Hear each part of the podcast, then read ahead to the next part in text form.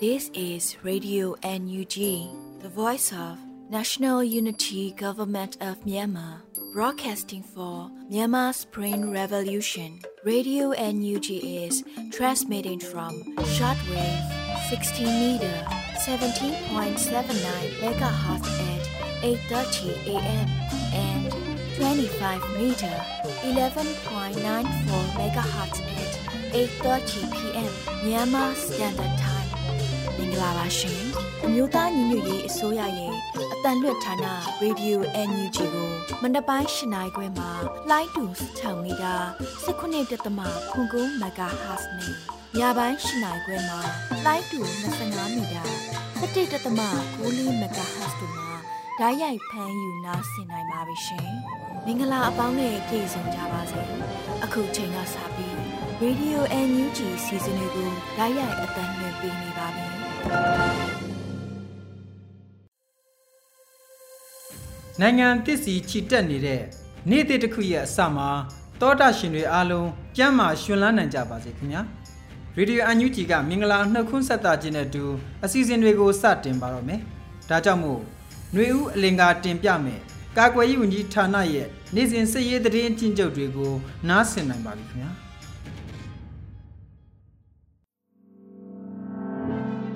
ကာကွယ်ဝင်ကြီးဌာနအမျိုးသားညီညွတ်ရေးဆိုရမှဖေဖော်ဝါရီလ6ရက်နေ့2023ခုနှစ်ထုတ်ဝေတဲ့စီရေးသတင်းကျဉ်းချုပ်ကိုတင်ဆက်ပေးတော့မှာဖြစ်ပါတယ်။ရန်သူ44ဦးသေဆုံးပြီး15ဦးထိခိုက်ဒဏ်ရာရရှိခဲ့ကြောင်းသတင်းရရှိပါရခင်ဗျာ။အာနာသိန်းအကြံဖက်စစ်တပ်နဲ့တိုက်ပွဲဖြစ်ပွားမှုသတင်းတွေကိုတင်ဆက်ပေးကြပါမယ်။မွန်ပြည်နယ်မှာ ဖေဖော်ဝါရီလ9ရက်နေ့နေ့လယ်တနာရီခန့်ကခလာရ991တရင်ကို40မမနဲ့လက်နက်အရှိများနဲ့တွားရောက်ပစ်ခတ်ခဲ့ရာရန်သူတပ်ကပြန်လည်ပစ်ခတ်ခဲ့တဲ့အတွက်ကြောင့်ကျောင်းရရက်ကွက်၄အုံတော်အုပ်စုမှနေအိမ်တစ်လုံးထိခိုက်ခဲ့ကြောင်းသတင်းရရှိပါရခင်ဗျာ ဖေဖော်ဝါရီလ၄ရက်နေ့ည9:30မိနစ်ချိန်ခန့်ကရေးမြို့နယ်ရေးမြို့နယ်ခြေဆိုင်ကျောင်းရွာစံပြကြေးရွာတို့နဲ့ကက်လျက်ရှိတဲ့ခမာယာ991တရင်ကို YSDF အဖွဲ့က109မှမှရှော့တိုက်တုံးနဲ့ပြစ်ခတ်တိုက်ခိုက်ခဲ့ကြောင်းသတင်းရရှိပါရခင်ဗျာ ဖေဖော်ဝါရီလ၄ရက်နေ့ည9:17မိနစ်ချိန်ခန့်ကဘီလင်းမြို့နယ်သို့တထုံဘက်မှမောင်းနှင်လာတဲ့ရန်သူကား၃စီးကိုတော်လိုင်းအင်အားစုဖွဲ့များကမိုင်းဆွဲတိုက်ခိုက်ခဲ့ပြီးအပြန်အလှန်ပြစ်ခတ်မှုဖြစ်ပွားခဲ့ရာကားတစ်စီးပျက်စီးသွားခဲ့ကြောင်းသတင်းရရှိပါရခင်ဗျာ ဖေဖော်ဝါရီလ၄ရက်နေ့နေ့လယ်2:30မိနစ်ချိန်ခန့်ကရေးမြို့နယ်လမိုင်းမြို့နယ်ကွယ်ကနင်ကမော့နယ်အောင်သားရကျွော်ကြားမှာမော်လမြိုင်သို့အာရှလမ်းမကြီးတိုင်မောင်းနှင်လာတဲ့ရန်သူတပ်သားများလိုက်ပါလာတဲ့မက်ဒူကားတစ်စီးကိုကာဝေးတပ်ဖွဲ့များကစစ်ဆေးရန်ရက်တက်ခိုင်းစဉ်မောင်းပြေးသွားတဲ့အတွက်ကြောင့် YGF ရေးပြောက်ကြားတပ်ဖွဲ့နဲ့ပူးပေါင်းအဖွဲ့တို့ကမိနစ်30ခန့်ဝိုင်းဝန်းပစ်ခတ်တိုက်ခိုက်ခဲ့ရာဒေသခံကာကွယ်တပ်ဖွဲ့များရဲ့ပစ်ခတ်တိုက်ခိုက်မှုကြောင့်ကားပျက်စီးသွားခဲ့ပြီးဗိုလ်ကြီးအဆင့်ရှိသူတူဖမ်းဆီးရမိခဲ့ကြောင်းသတင်းရရှိပါရခင်ဗျာ ကီယနီကယားပြည်နယ်မှာဖေဖော်ဝါရီလ၄ရက်နေ့ည7:00နာရီခန့်က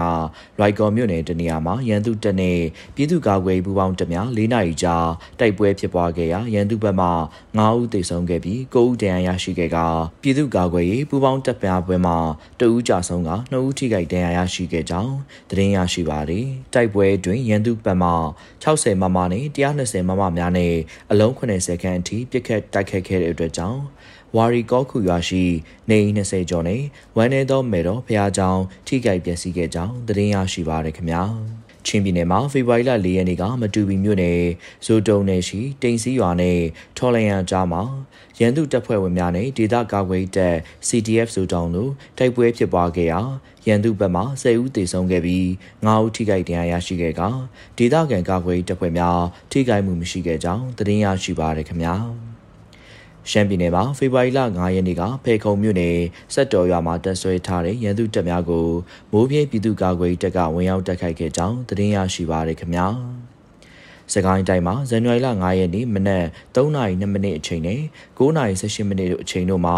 မုံရွာမြို့နယ်နမခဌာနချုပ်တွင်သို့ပြည်သူ့ကာကွယ်တပ်မတော်မုံရွာခရိုင် နှင့်3 4ကနဲ့ Triple 2 LPDF ပူးပေါင်းအင်အား10ဦးတို့က109မမလေးလုံးနဲ့ပြစ်ခတ်တိုက်ခိုက်ခဲ့ကြောင်းသတင်းရရှိပါရခင်ဗျာဖေဖော်ဝါရီလ4ရက်နေ့မနက်9နာရီခန့်ကခင်ဦးမြို့နယ်ကျိုးကန်ကျွာနီးရွှေဘိုလေးကျင်းရှင်းမှာထွက်လာတဲ့စကက်ကားနှစ်စီးကိုဒေသခံကာကွယ်တပ်ဖွဲ့များကမိုင်းဆက်နှလုံးနဲ့မိုင်းဆွဲတိုက်ခိုက်ခဲ့ရာဘိန်းပေါက်ခဲ့ပြီးထိုးရက်သွားခဲ့ပါတယ် ရန်သူတပ်သားများကလမ်းဘေးဆောက်ဦးတွင်သို့ဝင်ရောက်ခဲ့ကတိုင်မိုင်းနှစ်ကြိမ်ထိမှန်ခဲ့ကြောင်းသတင်းရရှိပါရခင်ဗျာဖေဖော်ဝါရီလ၄ရက်နေ့မနက်10:00နာရီမှ4:00နာရီထိမြင်းမှုမြို့နယ်ထီဆောင်ကြီးရွာမှာအခိုင်အမာတပ်ဆွဲထားတဲ့ရန်သူအခြေစိုက်စခန်းအားပြည်သူ့ကာကွယ်ရေးတပ်မတော်စကိုင်းခရိုင်တရင်နှင့်တက်ခွဲနှင့် GTR မြင်းမှုမြင်းကြံခရိုင်တရင်ခုနှစ်0ပျောက်ကြားတပ်ဖွဲ့ရွှေဘိုခရိုင်တရင်19ကြောက်ဆယ်ခရိုင်တရင်1ငကနီကြောက်ဆယ်တို့ပူးပေါင်းပြီးစခန်းသိမ်းတိုက်ပွဲဆင်နွှဲခဲ့ရာမနက်3နာရီမှာစခန်းအားသိမ်းပိုက်နိုင်ခဲ့ပါတယ်ရန်သူဘက်မှ15ဦးသေဆုံးခဲ့ပြီးအများအပြားတရားရရှိခဲ့ကစကန်စွန့်ခွာထွက်ပြေးခဲ့ကြရပါတယ်။ရန်သူစကန်မှာ MA3 တလက် G-box တခု9.56 G တတောင်ကာဗွန်တလက် G-box 3ခုကာပိုင် G 104တောင်9ဘော6လုံး G 86တောင်ဂျမ်မာဆက်နှလုံးជីကာအင်ကြီးတထေစစ်ယူနီပေါင်း2စုံစစ်ဖက်နဲ့3စုံနဲ့စစ်အုပ်ထုပ်3လုံးတို့ကိုတင်စီရမိခဲ့ကြောင်းသတင်းရရှိပါရခင်ဗျာ ဖေဖော်ဝါရီလ၄ရက်နေ့မနက်၈နာရီခန့်ကဝက်လက်မြို့နယ်စိုင်နိုင်ကြီးစိုင်နိုင်လေးကြားမှာစိုင်နိုင်ခွေမှာရွှေဘိုဘက်သို့ဦးတီထွက်ခွာလာတဲ့ရန်သူတပ်သားများလိုက်ပါလာတဲ့စနက်ဘိန်းကားတစ်စီးကိုပြည်သူ့ကာကွယ်တပ်မတော်ရွှေဘိုခရိုင်အမှတ်23တပ်ရင်းနဲ့ဒေသခံပကဖများပူးပေါင်း၍ပဒေသာမိုင်း6လုံးနဲ့တိုက်ခိုက်ခဲ့ရာစနက်ဘိန်းကားထိမှန်ခဲ့ပြီးလမ်းဘေးသို့ထိုးရက်ခဲ့က ကားပေါ်မှာဆက်လက်ငယ်များနဲ့ရန်တမ်းပစ်ခတ်ခဲ့ပြီးရန်သူတပ်သား3ဦးသေဆုံးခဲ့ကအများအပြားထိခိုက်ဒဏ်ရာရရှိခဲ့ပါတယ်။ပြည်သူ့ကာကွယ်ရဲဘော်များမှအထိခိုက်မရှိပြန်လည်ဆုတ်ခွာနိုင်ခဲ့ကြောင်းသတင်းရရှိပါရခင်ဗျာ။မန္တလေးတိုင်းမှာဖေဖော်ဝါရီလ၄ရက်နေ့နေ့လယ်12:30မိနစ်အချိန်ခန့်ကမြင်းကြံခရိုင်နှစ်ဘူးအိုင်ကျွော်ဘက်မှမြင်းကြံဘက်သို့သွားတဲ့အင်အား6ဦးခန့်လိုက်ပါလာတဲ့ရန်သူအိမ်စီကားကို မြင်းကျန်နဘူးအိုင်လမ်းပိုင်းတနေရာမှာရွှေချန်သားပျောက်ကြားတပ်ဖွဲ့ကပရိသာမိုင်း6လုံးတွင်နဲ့စောင့်ကြို၍ဖောက်ခွဲတိုက်ခိုက်ခဲ့ရာရန်သူတပ်သား2ဦးသေဆုံးခဲ့ပြီးဒဏ်ရာရရှိသူများလည်းရှိခဲ့ကြောင်းသတင်းရရှိပါရခင်ဗျာဖေဖော်ဝါရီလ၄ရက်နေ့ည7:15မိနစ်အချိန်ခန့်ကငဇုံမြို့နယ်ငဇုံမြို့ဘက်မှထွက်၍စိုက်ကဲ၅စီးနဲ့ကင်းလှည့်နေတဲ့ရန်သူ10ဦးကိုငဇုံမြို့နယ်ပြည်သူ့ကာကွယ်ရေးအဖွဲ့ပကဖရဲ့ ညှိနှိုင်းကုခဲမှုနဲ့မြင်းကြံခရိုင်တရင်6ငဇုံစကိုင်းခရိုင်တရင်2မန္တလေးခရိုင်တရင်က MNPDF မြင့်ငယ်ဇာမနီပျောက်ကြားတပ်ဖွဲ့ဒေါင်းဖိုက်တာပျောက်ကြားတပ်ဖွဲ့ခွနဲ့စင်ကျဲပျောက်ကြားတပ်ဖွဲ့ TGYR ပျောက်ကြားတပ်ဖွဲ့မီနဂါပျောက်ကြားတပ်ဖွဲ့ Special Task Force ပြည်သူ့အင်အား LPDF စင်ကိုင်း MSPDF မြောင်နဲ့ငဇွန်လိုကယ်တို့ကပူးပေါင်း၍ငွေစင်ကုန်းရွာနဲ့ ညောင်ပင်ရိုးရွာကြားရှိငဇွန်တတူကားလမ်းမပေါ်မှာမိုင်းဆွဲတိုက်ခိုက်ခဲ့ပြီးလက်နက်ကြီးနှလုံးနဲ့ပစ်ခတ်ခဲ့၍လက်နက်ငယ်များနဲ့ရင်ဆိုင်တိုက်ခိုက်ခဲ့တဲ့အတွက်ကြောင့်ရန်သူတပ်သား9ဦးခန့်သေဆုံးခဲ့ပြီးတဦးထိခိုက်ဒဏ်ရာရရှိခဲ့ကြောင်းသတင်းရရှိပါရခင်ဗျာဆက်လက်ပြီးအာနာသိန်းချမ်းဖက်စစ်တပ်မှကျူးလွန်တဲ့ရာဇဝမှုတွေကိုတင်ဆက်ပေးကြပါမယ်။ချင်းပြည်နယ်မှာဖေဖော်ဝါရီလ၄ရက်နေ့ကမတူပီမြို့နယ် တိန်စည်းရွာမှာရန်သူတပ်ဖွဲ့ဝင်များကဒေသခံပြည်သူတို့ကိုအကြောင်းမဲ့တပ်ဖြတ်ခဲ့ပြီး၁၀ဦးအားလူသားတိုင်းဖြစ်ဖမ်းဆီးခေါ်ဆောင်သွားခဲ့ကြောင်းသတင်းရရှိပါရခင်ဗျာရှမ်းပြည်နယ်မှာဖေဖော်ဝါရီလ၄ရက်နေ့နေ့လယ်10:30မိနစ်ချိန်ခန့်ကဖေခုံမြို့နယ်မိုးပြေမြို့ဈေးအတွင်းမှာစစ်တပ်ရဲ့ပစ်ခတ်မှုကြောင့်အမျိုးသားတူသေဆုံးခဲ့ကြောင်းသတင်းရရှိပါရခင်ဗျာ စကိုင်းတိုင်းမှာဖေဖော်ဝါရီလ၄ရက်နေ့မနက်ပိုင်းကစကိုင်းမြို့နယ်နန်းတော်ရရဲ့တာယိုကြီးလန်းရှိဘက်ထက်ကျူရှင်အနီးရှိမဟင်းကကြာစံဟင်းရောက်တဲ့အမျိုးသမီးတူအား PDF ထောက်ပို့ဆွဆွဲကစစ်တပ်မှဖမ်းဆီးသွားခဲ့ကြောင်းသတင်းရရှိပါရခင်ဗျာမန္တလေးတိုင်းမှာဖေဖော်ဝါရီလ9ရက်နေ့မနက်3:15မိနစ်ချိန်ခန့်က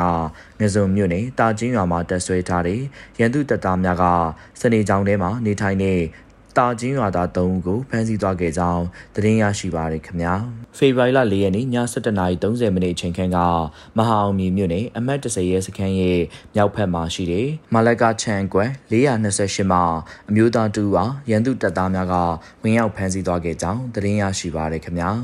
ယခုတင်ဆက်သွားတဲ့သတင်းတွေကိုမြေပြင်သတင်းတာဝန်ခံများနဲ့သတင်းဌာနတွေမှာဖော်ပြထားတဲ့အချက်လက်တွေပေါ်အခြေခံပြုစုထားခြင်းဖြစ်ပါတယ်။ကျွန်တော်ကတော့ຫນွေဦးလင်ပါ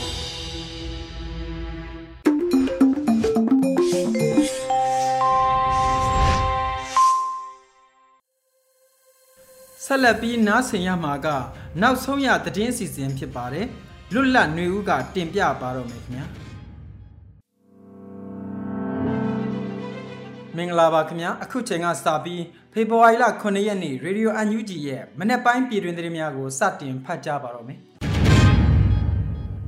ဒေါ်လာရေးအောင်မြင်ဖို့ကြိုးပမ်းအားထုတ်မှုများကိုနှစ်ဆတိုးရန်လိုအပ်တယ်လို့ဝန်ကြီးချုပ်မန်းဝင်းခိုင်တန်းကပြောဆိုလိုက်ပါတယ်။ဖေဖော်ဝါရီလ6ရက်နေ့က Twitter မှာ ပြည်ထောင်စုဝန်ကြီးချုပ်ကအခုလိုရေးသားဖော်ပြခဲ့ပါတယ်။ကျွန်တော်တို့ဤတမိုင်းဝင်အောင်ပွဲသည်ပုံမနီးကပ်လာပါတယ်။ကျွန်တော်တို့အားလုံးရင်းကိုဖြစ်ထွန်းလာစေရန်ကျွန်တော်တို့ဤကြိုးပမ်းအားထုတ်မှုများကိုနှစ်ဆတိုးရန်လိုအပ်ပါတယ်လို့ဆိုထားပါတယ်။လက်ရှိမှာပြည်သူခုခံတွန်းလှန်စစ်ကိုအရှိန်မြင့်တင်လျက်ရှိပြီးတနစ်တာမဟာဗျူဟာစီမံချက်တိုင်းရေးဆွဲ၍အမျိုးသားညွေရေးအစိုးရဟာကောင်းထဲပေါ်ဆောင်လျက်ရှိပါတယ်ခင်ဗျာစစ်ကောင်စီဟာအာဏာလုယူထားတဲ့အကြမ်းဖက်အဖွဲ့အစည်းတစ်ခုသာဖြစ်လို့ ရွေးကောက်ပွဲကျင်းပနိုင်ခွင့်ဥပဒေပြုပိုင်ခွင့်မရှိဘူးလို့ပြည်ထောင်စုလွှတ်တော်နာယကဦးအောင်ကြည်ညွန့်ကပြောကြားလိုက်ပါတယ်ပြည်ထောင်စုလွှတ်တော်ပြင်စမအကြိမ်အစည်းအဝေးမှာပြည်ထောင်စုလွှတ်တော်နာယကဦးအောင်ကြည်ညွန့်ကဆိုပါတယ်စစ်ကောင်စီဟာအာဏာလုယူထားတဲ့အကြမ်းဖက်အဖွဲ့အစည်းတစ်ခုသာဖြစ်လို့ရွေးကောက်ပွဲကျင်းပနိုင်ခွင့်ဥပဒေပြုပိုင်ခွင့်မရှိတာကြောင့်ဒါကိုတားဆီးနိုင်ဖို့အမျိုးသားညွေရေးအစိုးရအမျိုးသားညွေရေးအတိုင်းပင်ခံကောင်စီတို့နဲ့အတူအခြားသောမဟာမိတ်အင်အားစုတွေနဲ့ ဂန္ဓာလိုက်ပူးပေါင်းဆောင်ရွက်လျက်ရှိပါတယ်လို့ဆိုပါတယ်။ဒါပြင်2023ခုနှစ်ဟာတော်လိုင်းရေးတစ်စစ်ချိုးကိုပုံဖော်နိုင်ဖို့တော်လိုင်းရေးအင်အားစုများကကြိုးပမ်းနေကြတာဖြစ်ပြီးအစိုးရရဲ့တနစ်တာမဟာဗျူဟာအစီအမံနဲ့ချမှတ်ထားတဲ့ရေမှန်းချက်တွေအောင်မြင်ဖို့သက်ဆိုင်တဲ့အင်အားစုတွေတဒန်တဲ့ညီတချီတဲ့ရုံနိုင်ဖို့အထူးလိုအပ်တယ်လို့ဆိုပါတယ်ခင်ဗျာနိုင်ငံခြားရေးဝန်ကြီးဒေါ်စင်မာအောင်ဟာ UK နိုင်ငံ Labour Party မှ လွှတ်တော်မှရရှနာရာအလီနဲ့တွေ့ဆုံ၍လူသားချင်းစာနာထောက်ထားမှုဆိုင်ရာအကူအညီပေးရေးအပါအဝင်မြမအရေးဆွေးနွေးပြောကြားခဲ့ပါတယ်။ဖေဖော်ဝါရီလ6ရက်နေ့မှာ UNG နိုင်ငံခြားရေးဝန်ကြီးဌာနမှသတင်းထုတ်ပြန်ခဲ့ပါတယ်။ပြည်ထောင်စုသမ္မတမြန်မာနိုင်ငံတော်အမျိုးသားညွေရေးအစိုးရနိုင်ငံခြားရေးဝန်ကြီးဒေါ်စင်မာအောင်သည်၎င်း၏ UK နိုင်ငံခရီးစဉ်အတွင်းလေဘာပါတီမှလွှတ်တော်အမတ်ရရှနာရာအလီနဲ့ UK စံတော်ချိန်နဲ့17နာရီခွဲမှ နေ့လယ်တနာရီထိတွေ့ဆုံဆွေးနွေးခဲ့ပါတယ်လို့ဖော်ပြထားပါတယ်။ All Party Parliamentary Group on Burma အဖွဲ့၏ဥက္ကဋ္ဌလည်းဖြစ်သူရရှနာရာအလီနဲ့တွေ့ဆုံခဲ့တဲ့အဆိုပါတွေ့ဆုံဆွေးနွေးမှုအတွင်းတွင်လူသားချင်းစာနာထောက်ထားမှုဆိုင်ရာအကူအညီပေးရေးမြန်မာနွေဦးတော်လှန်ရေး UK ပါလီမန်မှပုံမတိုးမြင့်ထောက်ခံရေးဒုက္ခသည်ကိစ္စလူနည်းစုအခွင့်အရေးအကာအကွယ်ပေးရေးအစရှိတဲ့ခေါင်းစဉ်များကိုဆွေးနွေးခဲ့တယ်လို့သတင်းရရှိပါတယ်။အဆိုပါတွေ့ဆုံပွဲကို UK နိုင်ငံဆိုင်ရာကိုယ်စားလှယ်များဖြစ်တဲ့ ဒေါက်တာသက်ကိုကိုနဲ့ဦးမမအောင်တို့လည်းတက်ရောက်ခဲ့ကြပါတယ်။ပြည်ထောင်စုဝန်ကြီးဒေါ်စင်မအောင်သည်၎င်း၏ UK ခီးစဉ်အတွင်းတွင်အခြားသောတာဝန်ရှိသူများနဲ့လည်းဆက်လက်တွေ့ဆုံဆွေးနွေးသွားမှာဖြစ်တယ်လို့သိရပါတယ်ခင်ဗျာ။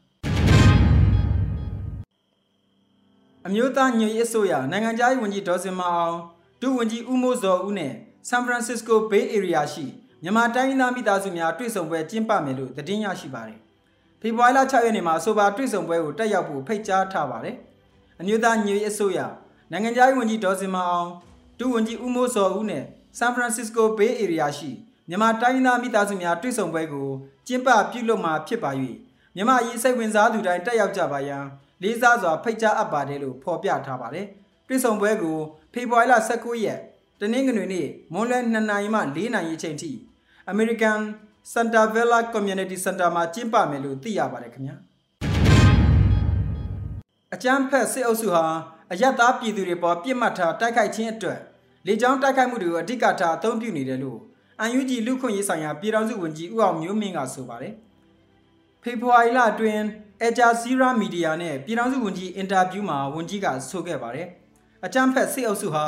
အယက်သားပြည်သူတွေပေါ်ပြစ်မှတ်ထားတိုက်ခိုက်ခြင်းအတွက်လေကြောင်းတိုက်ခိုက်မှုတွေကိုသာအဓိကထားအသုံးပြုနေတာကိုတွေ့ရှိရပါတယ်။ဒီလိုတိုက်ခိုက်မှုကြောင့်တိုက်ခိုက်ခံရတဲ့ဒေသအတွင်းမှာရှိတဲ့ကလေးတငယ်များ တက်ကြီးရွယ်အိုများအပါအဝင်ပြည်သူလူထုဟာအလွန်မင်းထိခိုက်နစ်နာမှုအသက်ဆုံးရှုံးမှုတွေခံစားခဲ့ရပါတယ်။အကြမ်းဖက်စစ်အုပ်စုဟာဒီလေကြောင်းတိုက်ခိုက်မှုကိုအာသာချက်တစ်ခုအနေနဲ့အသုံးပြုနေခြင်းဟာ၎င်းတို့အနေနဲ့မြေပြင်အခြေအနေတွေကိုထိမ့်ချုပ်နိုင်စွမ်းမရှိတာကိုထင်ထင်ရှားရှားပြသနေတာပဲဖြစ်ပါတယ်လို့ဝန်ကြီးကဆိုပါတယ်။ပြီးခဲ့တဲ့လပိုင်းတွင်စကိုင်းတိုင်းဒပီးမြို့နယ်ကစာတင်ကျောင်းတစ်ကျောင်းကိုစစ်အုပ်စုကလေကြောင်းကနေတိုက်ခိုက်ခဲ့တယ်လို့ စာတင်နေတဲ့ကျောင်းသားကလေးငယ်တွေအပါအဝင်အယက်သားပြည်သူ12ဦးထပ်မံနဲ့တိတ်ဆုံးခဲ့တယ်လို့ကချင်ပြည်နယ်ဖားကန်ဒေသအနက်ပါဂီတပွဲကိုလေကြောင်းကနေဘုံကျဲတိုက်ခိုက်မှုကြောင့်အနုပညာရှင်တွေပါဝင်ပြည်သူ60ဝန်းကျင်သေဆုံးခဲ့ရပါတယ်ခင်ဗျာပုံစံမတူတဲ့နီးပညာမြင့် drone တွေတိုက်ပွဲတွေမှာတွေ့မြင်ရလိမ့်မယ်လို့ပြည်ထောင်စုဝန်ကြီးဦးထင်လင်းအောင်ကအသိပေးပြောဆိုလိုက်ပါတယ်။ပုံစံမတူတဲ့နီးပညာမြင့် drone တွေတိုက်ပွဲတွေမှာဆက်လက်တွေ့မြင်ရလိမ့်မယ်လို့ ဆက်သွယ်ရေးသတင်းအချက်အလက်နဲ့နီးပညာဝန်ကြီးဌာနပြည်ထောင်စုဝန်ကြီးဦးထင်လင်းအောင်ကပြောပါတယ်ဖေဖော်ဝါရီလ9ရက်နေ့ຫນွေဦးအောင်လန်ကမ်ပိန်းပထမကျင်းရက်လက်မျှဝေခြင်းနဲ့ကန်ဆမ်းမဲအစီအစဉ်တိုက်ရိုက်ထုတ်လွှင့်မှုမှာပြည်ထောင်စုဝန်ကြီးဦးထင်လင်းအောင်ကပြောပါတယ်ဖက်ဒရယ်ဝင်းက drone တပ်ဖွဲ့ရဲ့အောင်မြင်အောင်လှုပ်ဆောင်နိုင်မှုကဒီ drone တပ်ဖွဲ့တည်းတည်းမဟုတ်ပါဘူးတခြား drone အဖွဲ့တွေလုံနိုင်ဖို့လိုပါတယ်အကုန်လုံးလုံနိုင်လေလေကျွန်တော်တို့နိုင်ငံမြန်မြန်လွတ်မြောက်ဖို့ဒီတော်လိုင်းရေးအောင်မြင်ဖို့မြန်လေလေလို့ကျွန်တော်ပြောချင်တယ် ဒါအပြင်ပုံစံမတူတဲ့ဤပညာမြေ drone တွေကိုတိုက်ပွဲမှာဆက်လက်တွေ့မြင်ရပါလိမ့်မယ်လို့ဝန်ကြီးကဆိုပါတယ်လက်ရှိမှာဘုံသီးလေးလုံးတည်ဆောင်နိုင်သော drone အပြင်6လုံးမှ8လုံးထိဘုံသီးတည်နိုင်သောအစစ်မြင့်ဤပညာနဲ့ drone များလည်းစမ်းသပ်အောင်မြင်ထားတယ်လို့ဝန်ကြီးကပြောဆိုခဲ့ပါတယ်ခင်ဗျာအမျိုးသားဒီမိုကရေစီအဖွဲ့ချုပ်ပါတီအနေနဲ့ပါတီကိုမှတ်ပုံပြန်တင်ရအကြောင်းမရှိနိုင်တော့ဘဲပြည်သူနဲ့တူရှိနေမယ်လို့အဖွဲ့ချုပ်ပါတီဝင်များကဆိုပါတယ် ဖေဖော်ဝါရီလ9ရက်နေ့ကဆက်သွယ်မေးမြန်းရမှာအမျိုးသားဒီမိုကရေစီအဖွဲ့ချုပ်ပါတီဝင်များကတညီတညွတ်တည်းပြောဆိုပါတယ်သူတို့ကိုအကြမ်းဖက်လို့ကြီးညာထားပြီးသားလေသူတို့ကပယ်ဖြတ်ပြင်ဆင်တာတွေပေါ်မှာအသိမှတ်ပြုမနေနိုင်ဘူးလေဒီလိုတိုင်းပြည်ပေါ်စစ်တပ်ကထင်တိုင်းကျဲလှုပ်ချင်တယ်လို့လှုပ်ခွင့်မရဘူးဒီမျိုးဆက်ကတော်လိုင်းရေးလှုပ်နေကြတဲ့ကိစ္စမို့တော်လိုင်းရေးအောင်မြင်အောင်စူးစမ်းရမယ် NLD ကတော့ပြည်သူနဲ့တူရှိနေမှာပါပဲလို့ပြည်သူ့လွှတ်တော်ကိုယ်စားလှယ်ပါတီဝင်တူဦးကဆိုပါတယ်2023ခုနှစ် ဇန်နဝါရီလ29ရက်နေ့မြို့သားဒီမိုကရေစီအဖွဲ့ချုပ်ဘိုးအလုပ်ကော်မတီကထုတ်ပြန်ချက်တွင်လည်းတည်ဆဲဥပဒေများကိုချိုးဖောက်ပြီးနိုင်ငံတော်ပုံကံမှုကိုကျူးလွန်ထားသောစစ်ကောင်စီ၏ဆောင်ရွက်မှုမှန်သမျှသည်တရားဝင်မှုမရှိသဖြင့်၎င်းတို့ကျင်းပမယ်အတူရောင်ရွေးကောက်ပွဲအားမိမိတို့အမျိုးသားဒီမိုကရေစီအဖွဲ့ချုပ်အနေဖြင့်ခိုင်မာစွာဆန့်ကျင်ကန့်ကွက်နေမှာဖြစ်တယ်လို့အတိလင်းဖော်ပြပါရှိပါတယ်။ဘယ်အကြောင်းနဲ့မှတ်ပုံတင်နိုင်ဖို့လမ်းမရှိတော့ပါဘူး။ဒါကလူလူသဘောထားအတိုင်းပဲဖြစ်လိမ့်မယ်လို့ အဖွဲ့ချုပ်ပါတီဝင်တူဦးကလည်းသုံးသပ်ပြောဆိုပါတယ်။အာဏာလုအကြမ်းဖက်စစ်ကောင်စီကဖမ်းဆီးထားတဲ့လွှတ်တော်ကိုယ်စားလှယ်80ဦးအပါအဝင်အမျိုးသားဒီမိုကရေစီအဖွဲ့ချုပ်ပါတီဝင်1232ဦးဟာဖမ်းဆီးခြင်းခံထားရပါတယ်။အကြောင်းမဲ့တပ်ဖြတ်ခံရသူ3346ဦးရှိရာတွင်လွှတ်တော်ကိုယ်စားလှယ်2ဦးပါဝင်ခဲ့ပြီးအမျိုးသားဒီမိုကရေစီအဖွဲ့ချုပ်ပါတီဝင်84ဦးပါဝင်တယ်လို့သိရပါတယ်ခင်ဗျာမန္တလေးမြို့တော်ဝင်ဒေါက်တာရဲလွင်ကို ရာဇသကြီးဥပဒေပုံမှန်409ဖြစ်ထောင်ဒဏ်2နှစ်ထပ်မံချမှတ်ခဲ့ပါတယ်ဖေဖော်ဝါရီလ6ရက်နေ့မှာဆီယာနာသိမ်းပြီးနောက်လက်တလောဖြစ်ပေါ်လျက်ရှိသောအခြေအနေများနဲ့ပတ်သက်၍ AAPP ကသတင်းထုတ်ပြန်ပါတယ်ဖေဖော်ဝါရီလ3ရက်နေ့ကအိုဘိုချင်းတောင်တွင် အထူးတရားရုံးမှမန္တလေးမြို့တော်ဝင်ဒေါက်တာရဲလွင်ကိုရာဇသကြီးဥပဒေပုံမှန်409ဖြင့်ထောင်ဒဏ်2နှစ်ထပ်မံချမှတ်ခဲ့ကြောင်းသိရှိရတယ်လို့ဖော်ပြထားပါတယ်။အဆိုပါတရားရုံးမှပင်ဒေါက်တာရဲလွင်ကို ရာဇသကြီးဥပဒေပုံမှန်905ခါဝေးဖြင့်2021ခုနှစ်ဒီဇင်ဘာလတွင်ထောင်ဒဏ်2နှစ်ချမှတ်ခဲ့ပြီးလည်းဖြစ်ပါတယ်။2021ခုနှစ်အာဏာသိမ်းချိန်မှ2023ခုနှစ်ဖေဖော်ဝါရီလ6ရက်နေ့ထိတိုင်ဖမ်းဆီးချုပ်နှောင်ခြင်းခံထားရသူစုစုပေါင်း13829ဦးရှိပြီး၎င်းတို့နဲ့မှ2318ဦးမှာထောင်ဒဏ်များအသီးသီးချမှတ်ခြင်းခံထားရပါတယ်ခင်ဗျာဖမ်းမိထားသောဗိုလ်ကြီးအဆင့်ရှိသူအား YGF ရေးပြောက်ကြားတပ်ဖွဲ့မှသက်ဆိုင်ရာ EROC တို့လွှဲပြောင်းပေးအပ်ခဲ့ပြီးဖြစ်တယ်လို့ဆိုပါတယ်ဖေဖော်ဝါရီလ6ရက်နေ့မှာဗိုလ်ကြီးအဆင့်ရှိသူနဲ့ပတ်သက်၍ YGF ရေးပြောက်ကြားတပ်ဖွဲ့ကအသိပေးပြောဆိုထားပါတယ် YGF ရေးပြောက်ကြားတပ်ဖွဲ့၏ဖေဖော်ဝါရီလ4ရက်နေ့စစ်စင်ရေးသတင်းထုတ်ပြန်ချက်အရအကြမ်းဖက်စစ်ကောင်စီဖမ်းဆီးရမိသောဗိုလ်ကြီးအဆင့်ရှိသူအားနိုင်ငံတကာစံချိန်စံညွှန်းနဲ့အညီစစ်ဆေးမေးမြန်းခဲ့ရာဗိုလ်ကြီးမြတ်သူခမရ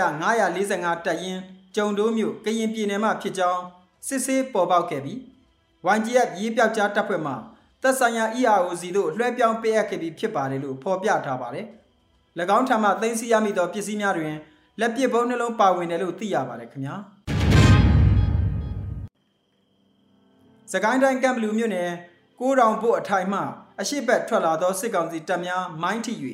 ခုနှစ်ဦးအနည်းဆုံးထိခိုက်ခဲ့ပါတယ်။ဖေဖော်ဝါရီလ6ရက်နေ့ ကိုးတောင်ဘုတ်တော်လိုင်းအင်အားစုကအဆိုပါတရင်ကိုအတီးပြုပြောဆိုထားဖြစ်ပါတယ်။ဖေဖော်ဝါရီလ6ရက်နေ့မနက်6နာရီကျော်ကကိုးတောင်ဘုတ်အထိုင်မှအရှိတ်ကိုထွက်လာသောစစ်ကောင်စီတပ်အင်အား80ခန့်သည်ငှက်မွေးတောင်နာအရောက်တွင်မိုင်းမိသွား၍ခုနှစ်ဦးအနည်းဆုံးထိခိုက်သွားပါတယ်လို့ဆိုပါတယ်။အဆိုပါစစ်ကြောင်းဟာအထမ်းနှစ်ထမ်းလှဲတစည်းနဲ့တင်၍နောက်ပြန်ဆုတ်ကာ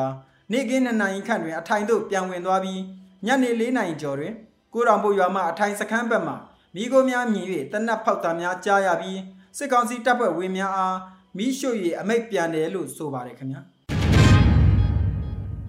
စကိုင်းတိုင်းဒဇယ်မြို့နယ်တရက်ခါကြေးရွာနီးစစ်ကြောင်းထိုးလာသောစစ်ကောင်စီစစ်ကြောင်းအားကာကွယ်ရေးတပ်များဝိုင်းဝန်းတိုက်ခိုက်ရာစစ်ကောင်စီတပ်ဖွဲ့ဝင်နဲ့ပြူဆယ်ဦးခန့်တေဆုံးနိုင်တယ်လို့သတင်းရရှိပါတယ်။ဖေဖော်ဝါရီလ6ရက်နေ့မှာဒဇယ်ဖိနစ်ကာကွယ်ရေးအဖွဲ့ကစစ်ရေးသတင်းကိုပေါ်ပြထားတာဖြစ်ပါတယ်။ဖေဖော်ဝါရီလ6ရက်နေ့ကဒဇယ်မြို့နယ်တရက်ခါကြီးရွာနီး စစ်ကြောင်းထိုးလာသောစစ်ကောင်စီတပ်နဲ့ပြူအင်အား130ခန့်ကိုရွှေဘိုခရိုင်အမှတ်9တပ်ရင်းနဲ့အမှတ်6တပ်ရင်းတို့ပူးပေါင်းတိုက်ခိုက်ခဲ့တာဖြစ်ပါတယ်။ကာကွယ်ရေးတပ်များရဲ့တိုက်ခိုက်မှုကြောင့်စစ်ကောင်စီတပ်ဘက်မှတပ်ဖွဲ့ဝင်နဲ့ပြူများ10ဦးခန့်တိတ်ဆုံးနိုင်ပြီးအများပြားထိခိုက်ဒဏ်ရာရရှိခဲ့တယ်လို့သိရပါတယ်ခင်ဗျာ။စကိုင်းတိုင်းရွှေဘိုမြို့နယ်တဲသီတော်ကြီးရွာမှာစစ်ကောင်စီတပ်နဲ့ပြူများဇီးပြူကုန်းတို့အသွားတနေရာတွင်တိုက်မိုင်းများထိ၍9ဦးသေဆုံးခဲ့ပါတယ်။ ဖေဖော်ဝါရီလ6ရက်နေ့မှာဆိုပါစစ်ရေးသတင်းကိုဗိုလ်ကြားရိုင်းရွှေဘို LPDF အဖွဲ့မှအတည်ပြုထုတ်ပြန်ခဲ့တာဖြစ်ပါတယ်။ဖေဖော်ဝါရီလ6ရက်နေ့မနက်8:15မိနစ်အချိန်ရွှေဘိုမြို့နယ်တဲသီတော်ကြီးရွာမှာစစ်ကောင်စီတပ်နဲ့ပြူများဇီးပြူကုန်းတို့အသွားတနေရာတွင်ဗိုလ်ကြားရိုင်းရွှေဘို LPDF အဖွဲ့နဲ့ဗိုလ်ဂျပန်ကြီး TTT ရွှေဘို LPDF အဖွဲ့မတထောင်တကောင်ပွားတပဲရင်အဖွဲ့ရွှေဘိုမြို့နယ်တိုက်နယ်နှင့်မဟာမိတ်ညီကိုများမှ ဆွဲမိုင်းတိုက်မိုင်းများနဲ့တိုက်ခိုက်ခဲ့တယ်လို့ဆိုပါတယ်။မိုင်းထိမှန်၍စစ်ကောင်စီတပ်နဲ့ပြူခုနှစ်ဦးသေဆုံးပြီးပြင်းထန်စွာဒဏ်ရာရရှိသူ၃ဦးရှိခဲ့ပါတယ်။အထိနာသွားသောစစ်ကောင်စီတပ်နဲ့ပြူများမှလက်နက်ကြီး RPG တစ်ချက်60မမ၄ချက်လက်နက်ငယ်များဖြင့်ရန်တမ်းပစ်ခတ်ခဲ့တော်လဲတော်လိုင်းရေးမဟာမိတ်ညီကိုရဲဘော်များမှာထိခိုက်မှုမရှိဘဲဆုတ်ကွာနိုင်ခဲ့တယ်လို့သတင်းရရှိပါတယ်ခင်ဗျာတောတာရှင်များခင်ဗျာအခုတင်ပြခဲ့တဲ့သတင်းတွေကိုရေဒီယိုအန်ယူဂျီသတင်းတောင်မင်းမင်းကပေးပို့တာဖြစ်ပါတယ်ခင်ဗျာ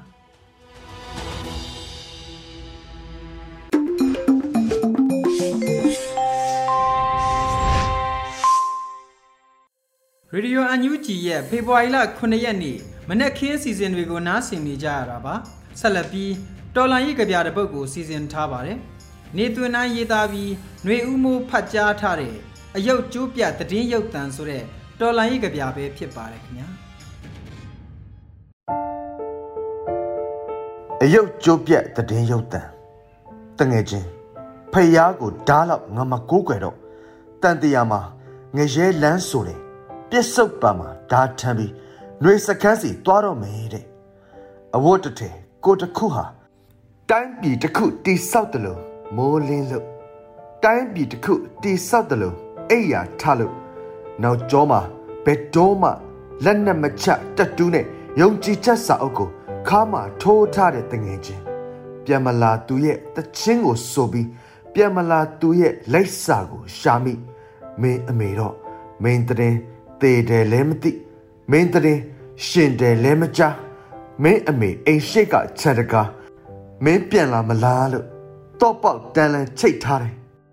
ငါကတော့အဲ့ဒီနေ့ကငါအခန်းထဲကရုပ်တံကိုထုချေဖောက်ခွဲပစ်လိုက်တယ်ကြပြဆရာနေတွင်နိုင်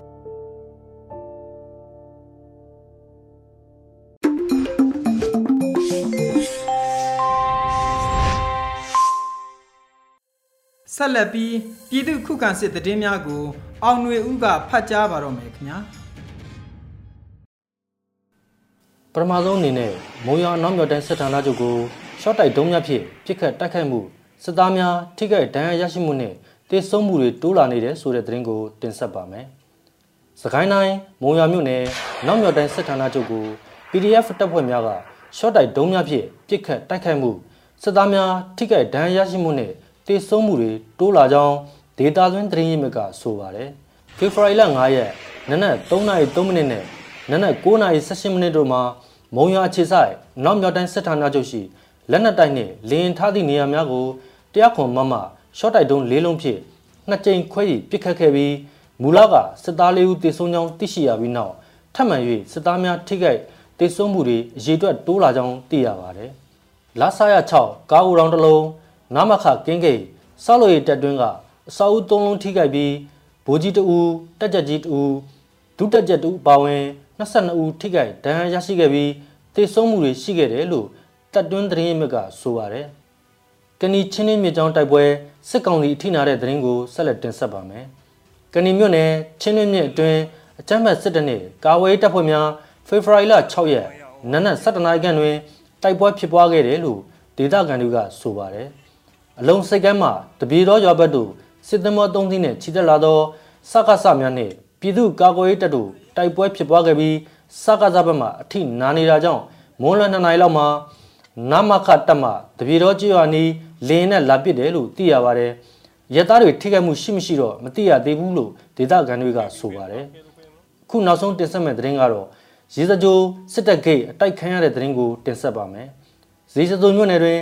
စစ်ကောင်စီတပ်များကို ကာဝေးတပ်ဖွဲ့များကပစ်ခတ်တိုက်ခိုက်မှုနှစ်ဦးထိခိုက်ဒေဆုံးမှုရှိကြောင်းရေစကြို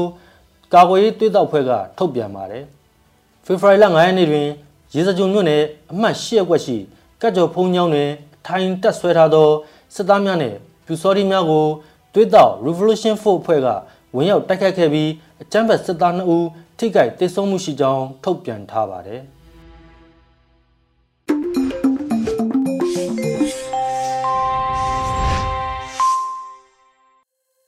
ရေဒီယိုအန်ယူဂျီမှဆက်လက်အတန်လွှင့်နေပါတယ်။အခုနောက်ဆုံးအနေနဲ့ PVTV ရဲ့နေ့စဉ်သတင်းများကိုတော့ထက်ထက်အိန္ဒြာအောင်ကတင်ပြပါဦးမယ်ခင်ဗျာ။အခုချိန်ကစပြီး PVTV သတင်းတွေကိုတင်ဆက်ပြီးတော့မှာပါ။ကျွန်မထက်ထက်အိန္ဒြာအောင်ပါ။ပထမဆုံးတင်ဆက်ပေးမှာကပြည်တော်စုလွှတ်တော်ကိုစားပြုကော်မတီတီထောင်ခြင်းနှစ်နှစ်ပြည့်ဖြစ်တဲ့သဘောထားကြေညာချက်ထုတ်ပြန်တဲ့သတင်းမှာ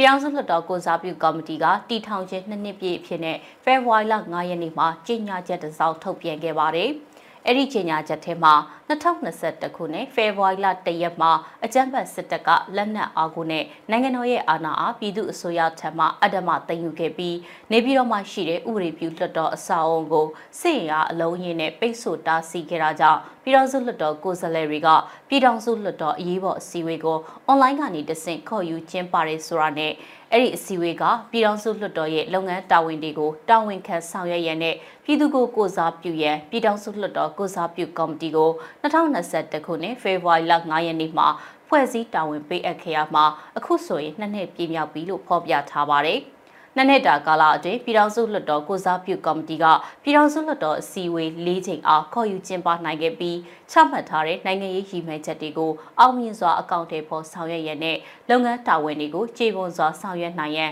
ရေးရကော်မတီ၁၂ရက်ကိုဖွဲ့စည်းတာဝန်ပေးအပ်ခဲ့တယ်လို့ဖော်ပြထားပါတယ်။ ဒါအပြင်လက်ရှိဖြစ်ပေါ်နေတဲ့နိုင်ငံရေးအကြက်တဲအားအမြန်ဆုံးဖြေရှင်းနိုင်ရေးအတွက်ပြည်တွင်းတော်လှန်ရေးအင်အားစုတွေနဲ့ခိုင်မာတွဲပြီးတော့ဆက်ဆံရေးတိစောက်နိုင်ရတဲ့နိုင်ငံတကာအတိုင်းအဝန်ရဲ့ထိရောက်တဲ့ပူးပေါင်းဆောင်ရွက်မှုတွေနဲ့ပံ့ပိုးကူညီမှုတွေရရှိနိုင်ရန်ကြိုးပမ်းဆောင်ရွက်ခဲ့တယ်လို့ဖော်ပြထားပါတယ်။ နောက်ထပ်တင်ဆက်ပေးမယ့်သတင်းကတော့ဆီယနာရှင်စနစ်အမြင့်ပြည့်ကြဆုံးရေးအဆုံးထိတိုက်ပွဲဝင်မယ်လို့မြန်မာနိုင်ငံအထွေထွေအလုသမားတပ်မကအဖွဲ့ချုပ်ကြေညာလိုက်တဲ့သတင်းမှာအလုသမားတို့နဲ့အတူမလျော့တဲ့စိတ်ဓာတ်တွေနဲ့ဆီယနာရှင်စနစ်အမြင့်ပြည့်ကြဆုံးတဲ့အထိဆက်လက်တိုက်ပွဲဝင်သွားမယ်လို့မြန်မာနိုင်ငံအထွေထွေအလုသမားတပ်မကအဖွဲ့ချုပ်ကကြေညာလိုက်တာပါ။ တပိတ်လက်နက်ကိုင်ဆွဲထားတဲ့မြန်မာနိုင်ငံအထွေထွေအလုသမားသမဂ္ဂများအဖွဲ့ချုပ်အဖွဲ့ဝင်အလုသမားတွေဟာဆီယနာရှင်စနစ်ကိုတော်လှန်မှုအတွက်စက်ယုံစေယုံကသမဂ္ဂခေါင်းဆောင်အဖွဲ့ဝင်အလုသမား12000ကျော်ဟာ2021ခုနှစ်ဖေဖော်ဝါရီလ9ရက်နေ့မှာစက်ယုံတွင်ဆက်အာနာရှင်စက်ကြီးဖဲဂျိုနီကမ်ပိန်းကိုစတင်လှုပ်ရှားဆောင်ရွက်ခဲ့ပါတယ်။ နောက်တရက်ဖေဖော်ဝါရီလ6ရက်နေ့မှာရန်ကုန်မြို့ပါရမီစင်ကြီးဟာရှိအင်းစိန်လမ်းမပေါ်မှာမြန်မာနိုင်ငံအထွေထွေအလုသမားတက်မကများအဖွဲ့ချုပ်တက်မကခေါင်းဆောင်တွေနဲ့အတူအဖွဲ့ဝင်အလုသမား၄တောင်နီးပါးဟာအန်ဒီရဲ့အထက်ထက်ကြားကချီတက်ဆန္ဒပြခဲ့ပါတယ်။အလုသမားတို့ကြီးကဆရာနာသိမ်းမှုကိုရဲရဲတောက်ဆက်ကျဲတော်လှန်ခဲ့တာအခုဖေဖော်ဝါရီလ6ရက်နေ့မှာဆိုနှစ်နှစ်တည်းပြည့်ခဲ့ပြီဖြစ်ပြီးတော့ဆရာနာရှင်ပြုတ်ကြရေးအဆုံးထိဆက်လက်တိုက်ပွဲဝင်သွားမယ်လို့ထုတ်ပြန်ကြေညာထားပါတယ်။ ဒီကနေ့ကတော့ဒီညနေပဲ Radio NUG ရဲ့အစီအစဉ်လေးကိုခေတ္တရ延လိုက်ပါမယ်ရှင်မြန်မာစံတော်ချိန်မနေ့၈နိုင်ခွဲနဲ့ည၈နိုင်ခွဲအချိန်တွေမှာပြောင်းလဲဆိုပြကြပါလို့ရှင် Radio NUG ကိုမနေ့ပိုင်း၈နိုင်ခွဲမှာလိုင်းတူ16မီတာ19.7မဂါဟတ်နဲ့ညပိုင်း၈နိုင်ခွဲမှာလိုင်းတူ25မီတာ17.6မဂါဟတ်တို့မှာဓာတ်ရိုက်ဖမ်းယူ နားဆင်နိုင်ပါပြီရှင်။မြန်မာနိုင်ငံသူနိုင်ငံသားများကိုစိတ်နှဖျားစမ်းမချမ်းသာလို့ဘေးကင်းလုံခြုံကြပါစေလို့ Radio NUG ရဲ့ဖွဲ့သူဖွဲ့သားများကဆုတောင်းလိုက်ရပါတယ်။ San Francisco Bay Area အခြေဆိုင်မြန်မာမိသားစုများနိုင်ငံတကာကစေတနာရှင်များလို့အားပေးများရဲ့ Radio NUG ဖြစ်ပါတယ်ရှင်။အရေးတော်ပုံအောင်ရမည်